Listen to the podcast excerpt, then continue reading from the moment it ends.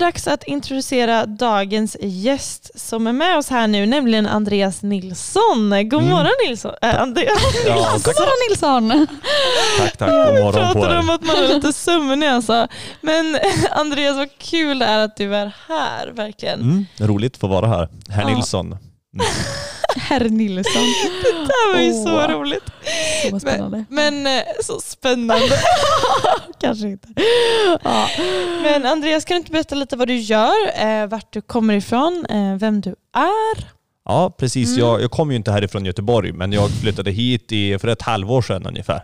Så innan dess så bodde jag... Jag kom från Skellefteå ursprungligen. Skellefteå, Norrland. Norrland. Jag kom Ja. från Skellefteå. Det Eh, hörs ju. Ja, men snart, snart har jag lärt mig ömål. Jag bor nämligen på Hönö, så snart har jag lärt mig ömål. Eh, Ömål. Boden och i mörs och KL och, och så. Jag, de, de säger att jag har lite grann kvar, men jag tror att jag är nära. men, men i alla fall, så jag eh, eh, bodde senaste ett och ett halvt året i, i Egypten och sen så upplevde jag en kallelse då att komma till Sverige och, och eh, börja en tjänst som, um, som ungdomspastor i, i Pingstkyrkan ute på Hönö. Mm. Eh, så det har jag gjort sedan januari. Ja, just det. Och eh, du eh, pratar ju en del språk. Ja, precis. Vi pratade ju lite om språk tidigare, eller bland annat hur, hur en man fick ett språk övernaturligt från Gud över natten, vilket är helt galet. Men du, du har ju också verkligen pluggat in massa språk. Du har ju en stor passion för det skulle man kunna säga. Ja, det, jo så är det. Så är det.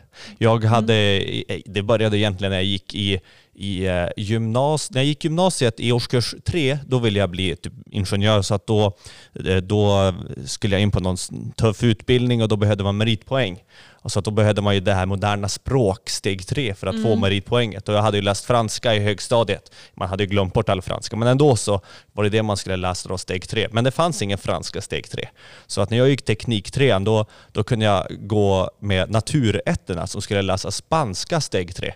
Eh, och det var ju helt, eh, helt nytt för mig då. Men jag hoppade in på det och fick ja, vara med lite Oj! grann. Och jag var absolut inte där man skulle vara i, i slutet för att få, eh, liksom för att få godkänt då. Men hon hade väl sett läraren att jag hade kämpat och tragglat mig igenom och så. Och jag tror att jag fick ett snäll, snäll betyg så jag fick godkänt då, trots att jag inte var. Så sen Oj. Ja, men då hade jag godkänt i spanska steg tre och sen så bad jag om bön att Gud skulle lära mig ja, spanska. Och sen en vecka efter det, då fick jag, två veckor efter det, då fick jag jobb faktiskt som spansklärare på en, i, i tre månader på en högstadieskola i Skellefteå. Och då fick man ju liksom eh, ja, Fick du arbeta för det. Det var som ett bönesvar verkligen. Ja, Det kom så, men jag fick samtidigt arbeta för det och inte sådär att jag bara fick det över en natt. Nej. Men, men nu pratar du spanska och du pratar ju också arabiska. Ja, mm. Ja. egyptisk arabiska då. Ja. Vill du ge en hälsning på arabiska till alla arabisktalande lyssnare nu då? Ja, men det kan jag göra. فصباح الخير أنا اسمي أندرياس وأنا عايز أقول لكم كلكم الذي يفهموا العرب اللي اللي يسوع هو المسيح اللي ما فيش ما فيش حياة غير المسيح Wow! Superbra. Oj, oj, oj. Vad Fantastiskt. snabbt du pratar Andreas. Det är ändå imponerande tycker jag. Ja, men tack, tack. Ja. Åh, jag vill också kunna arabiska. Det, det är ett språk jag vill kunna. Anna men Swede. Yes, Ja. yes. Eh, jag älskar hur man säger, vänta, välkommen tycker jag är så roligt. Vad är det man, vänta, vänta, vänta. Man säger, ehm, Vi har pluggat här, Klara. eh, hur, vänta, säg första ordet. Ahlan. Ahlan och sahlan. Ahlan wa sahlan. Ja, det är bra, bra.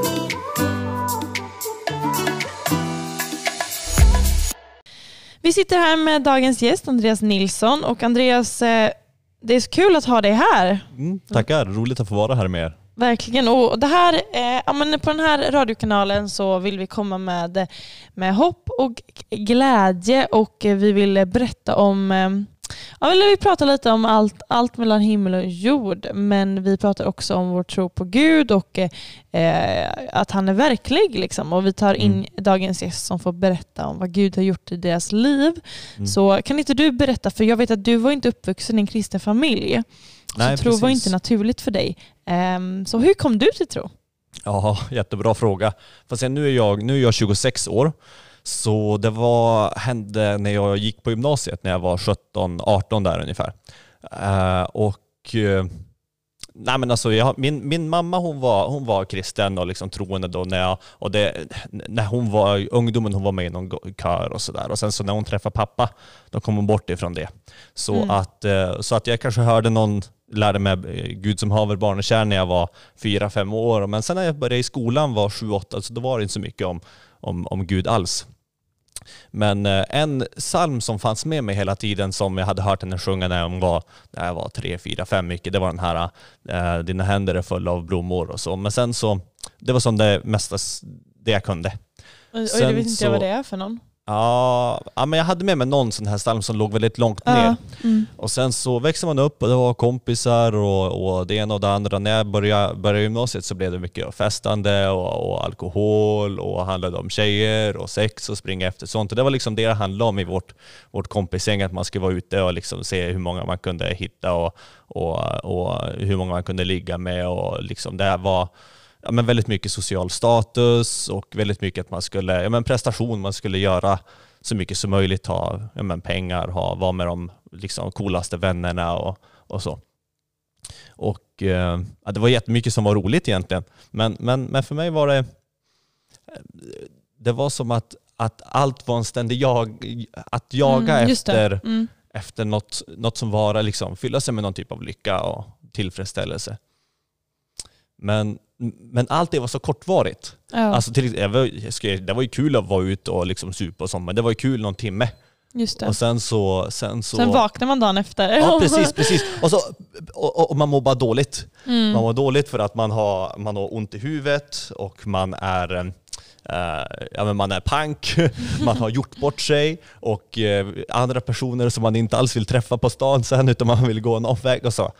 så men, men för mig blev det en, en, en upptäcktsfär att jag ville faktiskt upptäcka det som var liksom, som kunde ge mig lycka lite längre. Eh, Mm. Dels så tänkte jag att ja, men jag kanske är boxare och, och när jag får börja boxa då och få göra det som jag är skapad för att göra, då, då kommer jag hitta det där. Ja. Så jag, jag började i boxningsklubben i Skellefteå och jag har nog aldrig varit så, så vältränad fysiskt som när jag höll på med boxning där. Det var galet. Men, men efter ett halvår då skulle man få gå den här första boxningsmatchen jag tänkte att då kom det man att vara, vara på topp. Men, eh, men, eh, men så kom den dagen och efter det så var jag fortfarande bara helt tom inuti och insåg att nej, men, men det var inte boxning så, så, så det måste vara någonting annat. Och så fortsatte man att hitta på något tredje och fjärde och så. Så hur jag sen kom till tro då, det var att jag, vi höll på att spela mycket instrument och hade något litet band. Men, men, eh, men eh, jag var urusel på att sjunga. Så jag tänkte, ja men kanske om jag lär mig sjunga och kan jag vara ute på krogen och, och det kommer det liksom eh, bli mycket lättare med brudar och sådana saker när man kan sjunga. Så jag började i den där gospelkören som fanns i den kyrkan där vi hy- hyrde lokalen. Alltså det är så roligt. Ja. Ja, han som var ledare där, han skulle vara bra på att lära ut sång. Så jag var där och de, de, de bad och de pratade om Jesus och de var hjärntvättade allihopa, tänkte jag. Så jag sa så jag ska, jag ska absolut inte bli sådär som dem, men jag vill ändå vara med för att det var någonting som Mm. de hade. Ehm, sen, sen efter några månader, då, då, då såg man att det, det finns någonting i de här och de liksom lyste och de var glada och de och det var som att jag började se mer och mer att så som de lever och det som de verkar ha, det, är det som jag vill åt på något sätt. Att Just den här det. liksom tillfredsställelsen som de liksom berättade om, som, de, som jag såg i deras liv, att det var det som jag sökte på andra ställen. Va? Så, så att då, de sa till mig att nej men Andreas, det är, det är Jesus, han, han lever, liksom. du kan prata med honom och, och sådär. Och, och sen så var det som att polletten föll ner och jag insåg att nej, men det var bara att börja söka Gud. Och sen så, så finns han där. Ehm, ja. Ja, wow, så vilket, vilket, ehm, ah, vilken spännande historia. Alltså Mm. verkligen vilket skifte Mm. eh, det skedde i ditt liv. Och jag vill att du ska få berätta lite mer om vad som hände sen eh, faktiskt. För det, det har hänt eh, mycket i ditt liv ändå. Ehm, du har ett spännande liv Andreas, det ja, har du. Ja, men det blir så när man vandrar med Gud.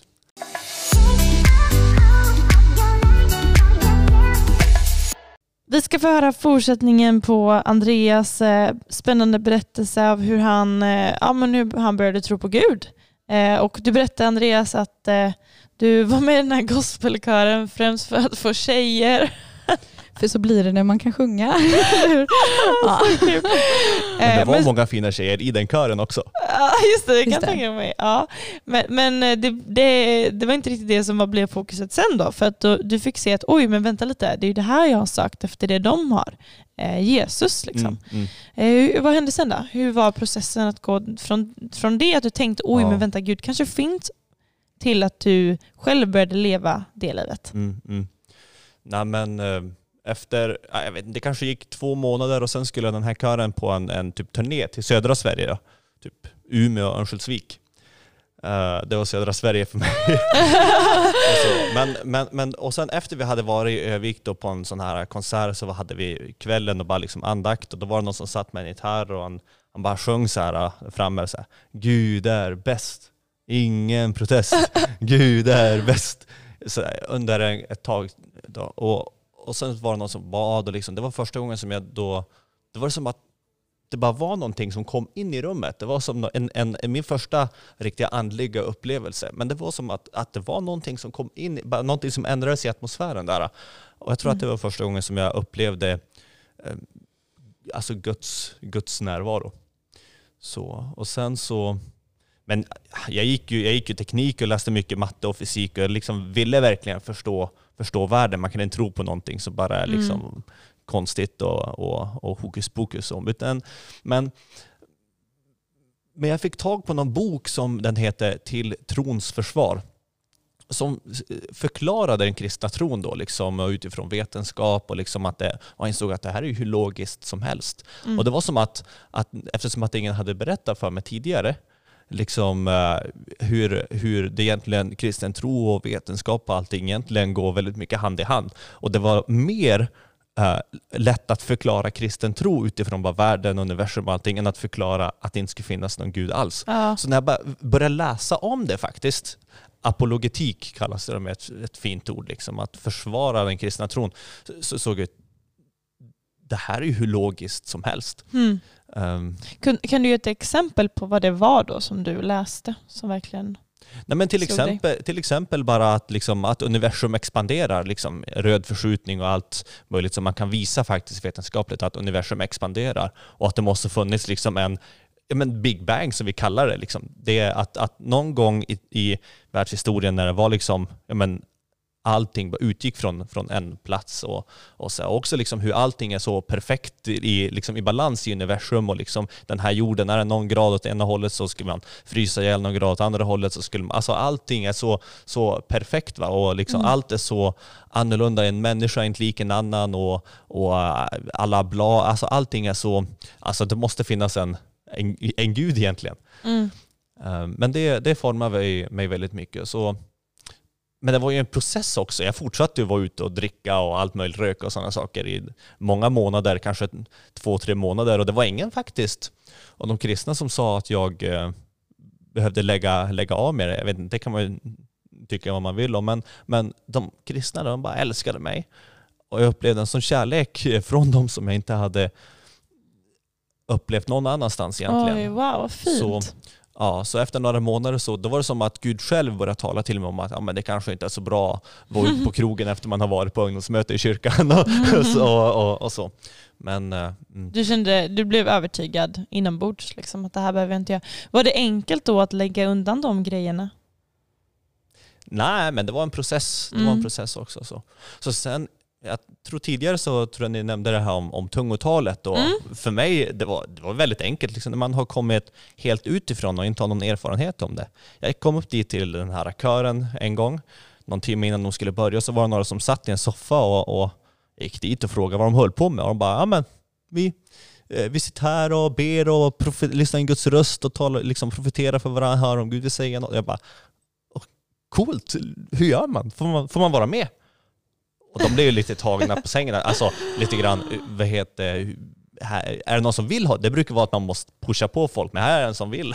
Ja, Så, så, och så förklarade hon tungotalet vad det är och jag sa, vill du ha det? Ja, varför, varför inte?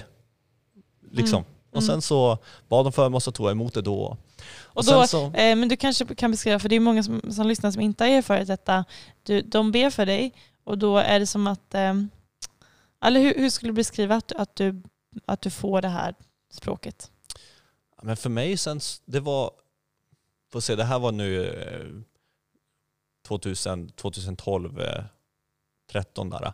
Så det var några år sedan. Men, men eh, de eh, bad för mig och la händerna på mig. Det ska man ju inte göra nu kanske i coronatiden. Men, men, och sen så bad de och det var bara första gången som jag hade haft sån typ av förbön och jag bara upplevde mig själv lite skakig typ, men det var så, mycket värme och så mycket kärlek i det. Så att jag var inte på något sätt rädd eller obekväm. Men det var eh, alltså en helt ny andlig upplevelse. Så. Och orden, de bara kom. Ja men de sa ju det. Och sen så öppnade man munnen och började tala det här nya språket. Så att Mm. så jag bara gjorde det. Mm. Eh, Så som ett barn nästan. Och, Mm. Och det kan ju vara ja, men viktigt kanske att, att lägga till då när vi har pratat om tungotal en hel del idag att, att det här är då en, en andlig gåva eh, som man får eh, när, man, när man tror på Jesus, när man följer Jesus, för då ska man få den helige ande och det här är en, en gåva man får ifrån den helige ande. Och när man har fått tungotalet då kan man sen själv eh, välja när man ska börja tala det. Så att har man gåvan eh, så kan man ja, men i princip när som helst börja, börja be i tungor. mm. Så funkar det. Alltså, jag, jag ber ju tungor varje dag liksom, på, Ja, på morgonen och så här, och jag blir själv så uppbyggd liksom, och så glad av det att när jag är sur och munter och så här, så kan jag bara ja, men börja be i tungor ett tag. Och sen är det som att, att, att det händer någonting med mig och man bara blir glad och liksom blir, fokus riktas från Ja. mina problem och, och upp till Gud. Ja, ja, ja. Eh, Verkligen, jag gör det också. Jag, alltså typ även när jag, om jag promenerar till bussen liksom, Mm. så talar jag tungor. Mm. Ehm, det, jag älskar det. mm. det. Jag har märkt att det är, att det är på riktigt. Liksom, att, att det, det, det händer någonting. Mm.